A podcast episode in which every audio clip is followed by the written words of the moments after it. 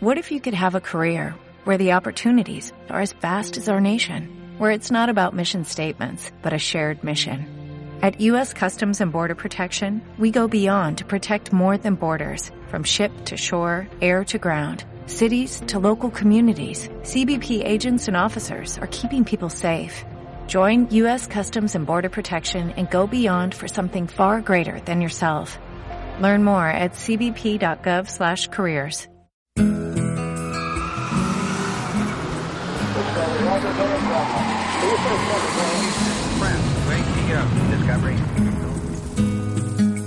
En la vida, no tot és anar més lluny, més alt, més ràpid.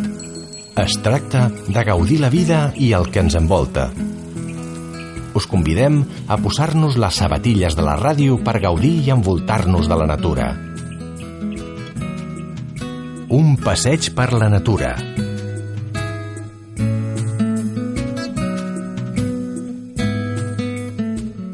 Tal? Bon dia, perquè estem, que quasi, quasi està sortint el sol, ens hem despertat ben aviat, era de nit, hem posat les botes, els mitjons i tot, tot, estem preparats, hem preparat també l'esmorzar, eh, un bon entrepà, i ja estem preparats per sortir. Així que tots plegats, agafem-nos de la mà i tirem cap endavant, que està el José Luis esperant-nos. Què tal, José Luis? Molt bé, gràcies a Déu, sortosament gaudint d'una altra eh, possibilitat de sortir a la natura. I me n'alegro que ha dit el Jordi que que està sortint el sol, és a dir, estem recuperant, perquè des de Barcelona pot sortir una mica més, però estem recuperant el plantejament dels excursionistes de sempre matinar, matinar per sortir a la natura, que és on es pot gaudir amb més intensitat de totes les possibilitats de la natura. Però no us penseu, els que ens esteu escoltant, que estem fent aquí un programa exclusiu de Barcelona. No, no, que va. Estem fent una introducció. Eh? Estem despertant-nos amb això de caminar. Per donar-nos en compte que no solament tenim que anar a fer grans distàncies a llocs molt llunyans, sinó que des de casa també podem encetar la nostra afició i cada vegada més cap endavant, més lluny, més fort, més alt, i, i anar tirant eh, anar fent milles. Sí. Doncs eh, per seguir el nostre recorregut que vam acabar en el programa passat a Collserola, eh, a Torre Baró, avui ens proposa el José Luis que anem cap a l'altra banda, cap Bé, a Santa Coloma. Sí, eh, anem... eh, És la, la, la continuació de Collserola, però s'acaba en el, en el coll per el que s'entra a Barcelona o se surt de Barcelona per la Meridiana.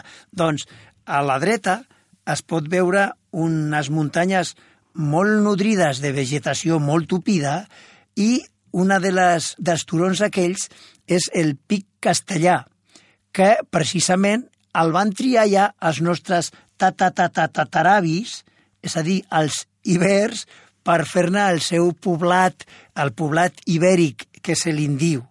I la veritat és que és un espai ple de, de, de vivències, perquè ha estat recuperat amb l'aportació de la gent gran. Jo, que vaig començar a anar i a reconèixer allò l'any de les Olimpiades, doncs me'n recordo que eh, estava erme tota aquella zona, i no només erma, sinó deserta. I hi havia algunes persones grans que havien plantat que si aquí un pi, que si aquí un, un eh, avet, que si a l'altre lloc una alcàcia, que si a l'altre lloc un roure, que si aquí un, un arbosc, que si en un altre lloc unes, eh, aquestes mm, surera, una alcina surera, i, i el anaven regant, i el anaven regant agafant l'aigua de baix, de la font de Sant Roc, de la font també dita del drapet, perquè el tapaven amb un tros de, de pal que embolcat embolcallat amb un paper amb un drapet perquè no s'escapés l'aigua. I aleshores agafaven just al peu del anomenat i famós torrent de les Bruixes, que allí n'hi havia també, una mica més amunt, una font. I més amunt encara, només havent pujat eh, uns, eh, 300 metres, una, una, una, per un, un viarol molt maco que va per el, la, la torrentera, doncs està la font de la bota. I la font de la bota es diu així perquè en allà raja poca l'aigua i la omplien una gran bota i d'allí pues, tenien per poder eh, traginar i beure aigua o agafar-ne aigua. Encara estem a mig, a, a mig pendent per arribar al, el poblat ibèric. al poblat ibèric. I des d'allà, seguint la ruta dels cinc pins, que són literals, cinc pins que es van lliurar del foc, i són grans, però cinc, donant-li la volta eh, de, per un sender sinuós, doncs s'arriba a ja una esplanada que han vestit com una mena de mirador per veure, doncs, bueno, la Barcelona mm, de la part nord. I aviat entrem al poblat ibèric que el custodien a una associació que se li diu Pic Castellar. I en allà, en el poblat ibèric, ens fan un recorregut molt interessant doncs mirant les construccions, els reductes i el que queda, que està ben recuperat, però només a forma de runa. És a dir, les parets, en lloc de renovar-les, li han posat ciment, pedres agafades amb ciment, una mica perquè no s'escapceli, no s'escabosi la, la, la paret, i han marcat una línia vermella amb material per dir des d'aquí amunt ho hem fet nosaltres, perquè no es faci malbé. I d'aquí a baix eh, ho havien fet els antics pobladors ibèrics. I és un espai molt bonic, des d'on hi ha vistes molt interessants d'espais molt, molt rics i naturals. Tens idea de quin any, més o menys, està calculat que aquests pobladors van arribar aquí? Posen allà en, en, en un seguit, perquè hi ha un, un, un seguit eh, didàctic molt interessant, una ruta didàctica molt interessant, posa que en el cicle, en el segle II vivien allà a, a la baix estaven els laietans, la via laietana, i els de dalt eren els del poblat ibèric. Eh, no, no, no he sabut, clar que jo no sé pas gaires, gaires precisions, no he sabut com li deien, però bueno, és el poblat ibèric dels, dels que estaven. Jo tinc una moneda que eh, està posada, o sigui, la vaig trobar per allà i que vaig mirar de fer-la arribar al, al, al museu, però no, en fi, no vam reeixir, que eh, té una inscripció que podia estar del segle II. Uh -huh. Del segle II abans de Crist. Sí, sí, sí. sí. És una, és una, eh, és, eh, una eh, inscripció equestre i a l'altre costat el cap de... Eh, o sigui, el, del rei de Torn. El cap del rei de Torn, sí, sí del cap d'ell. Molt bé, doncs estem allà. Mm, per cert, aquí esmorzem ja, no? Sí, aquí és un espai privilegiat perquè tan sols que baixes una miqueta et toca bé el sol, és a dir, et poses a la zona eh, bona i afavorida, afavorida perquè a l'altre costat toca el, sud, el nord, l'aire del nord, però aquí toca el sol del sud i podem allí, aquí perfectament treure el nostre entrepà en uns bancs que han vestit doncs, per rebre precisament a, als visitants a aquest indret privilegiat que, que el tenim tan a prop de Barcelona. Un cop hem esmorzat, hem recuperat la força, eh, tirem cap endavant? Doncs podem fer, jo de fet he fet, he fet sempre amb la canalla dues coses.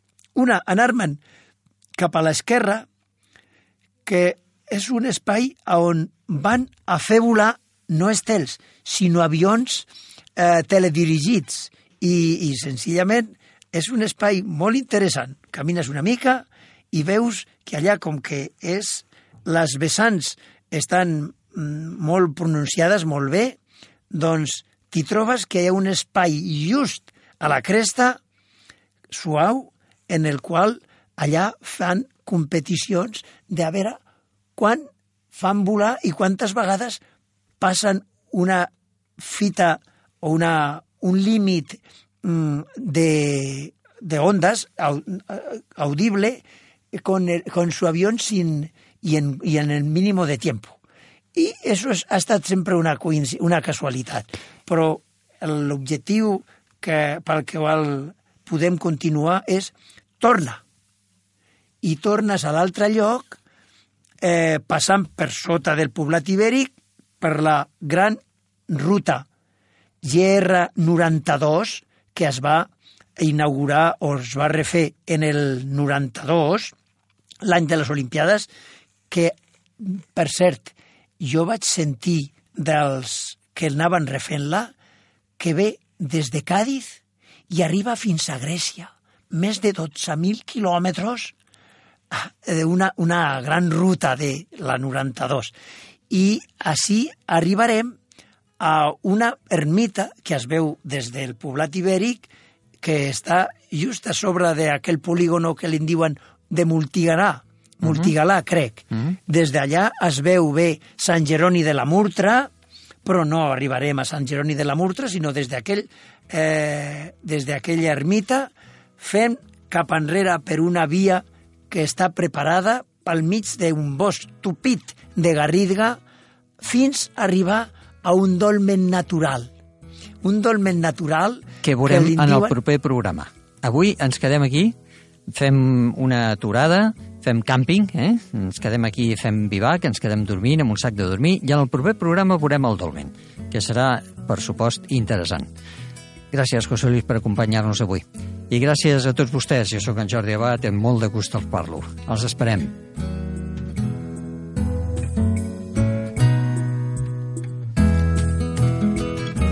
Quedeu convidats per fer una altra excursió amb nosaltres, tot gaudint de la natura. Us esperem.